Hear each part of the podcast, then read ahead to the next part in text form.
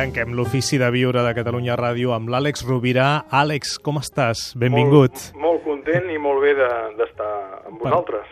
Par parlant del dictador interior o dels dictadors interiors, eh, tu volies fer una referència a la teoria de l'esforç invertit. Sí, és que... En primer lloc, t'agrairíem que ens expliquessis aquesta teoria sí. i quin link hi veus amb el dictador interior. La relació que hi ha és, és senzilla.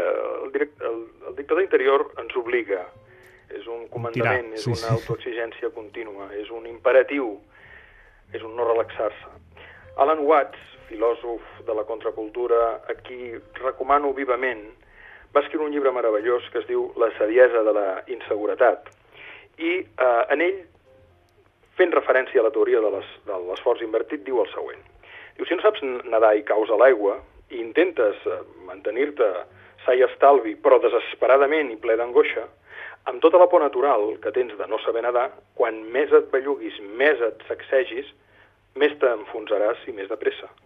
La teoria de l'esforç invertit consisteix senzillament en relaxar-te i en saber que si estàs tranquil i mantens els pulmons ple d'aire, això mantindrà el teu nivell de flotació i serà encara molt més difícil que t'ofeguis.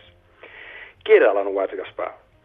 Doncs va ser un, un filòsof britànic molt lúcid i molt provocador, de la contracultura i a la vegada un dels divulgadors probablement més importants del Zen Occident. Un autor extraordinàriament prolífic, molta de la seva obra la podem trobar a l'editorial Cairós, i ens parla del desenvolupament de la consciència, la construcció de la identitat, la naturalesa de la realitat, la cerca del sentit a la vida o, sobretot, també de la plenitud i de la presència. En aquesta teoria, Alan Watts ens recorda que si bé molt sovint en aquesta vida ens hem d'esforçar per aprendre, per créixer i per integrar habilitats també és cert que en determinades ocasions, perquè les coses surtin, doncs probablement ens hem de serenar. Contemplar amb una certa distància la complexitat dels afers que hem de gestionar i aquesta serenor, aquesta temperança i la meditació i la reflexió que se'n generen sovint naturalment pot ser molt millor aliada i consellera que una acció agitada, sobreesforçada, esgotadora i precipitada, encara més quan no l'acompanya la reflexió necessària.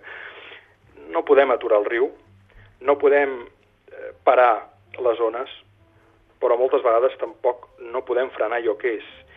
I el govern i la gestió de, de determinades circumstàncies sobrepassa les nostres capacitats i per molt dictador interior que hi posem no hi arribarem. En definitiva, Gaspar, la teoria de l'esforç invertit passa per la consciència, no per la resignació. És a dir, si jo sóc conscient, conscient de que no puc i ho accepto, això em permetrà fer front a la situació des d'una altra perspectiva, d'una manera diferent. I gràcies a aquesta mirada possiblement serena, relaxada, distanciada, tindrem un aliat molt potent que ens ajudarà a ressignificar i apropar-nos a la realitat. I per acabar, ho lligaria amb aquella frase de Marc Aureli que deia que la saviesa consisteix en l'art de diferenciar el que podem canviar del que no podem canviar petit contrapunt, recordar, però, que l'Àlex de vegades sí que ens ha parlat en aquest programa de la importància del sobreesforç. Sí, senyor, perquè, eh, com deia Paraceli, és una frase que repeteixo sovint perquè ens agrada molt, Gaspar, el verí és a la dosi. Hi ha moments de la vida que el sobreesforç ens ajudarà a desenvolupar capacitats i habilitats, però si ens passem tota la vida esforçant-nos, ens cremarem. El sobreesforç és un valor instrumental, mai no és un valor, mai no és un valor final. Àlex Rovira, com sempre, un plaer tancant l'ofici de viure. Un luxe, vaja. Moltes gràcies, Àlex. Per que tinguis una bona setmana. Una forta abraçada a tots. Una abraçada als oients també, una forta abraçada.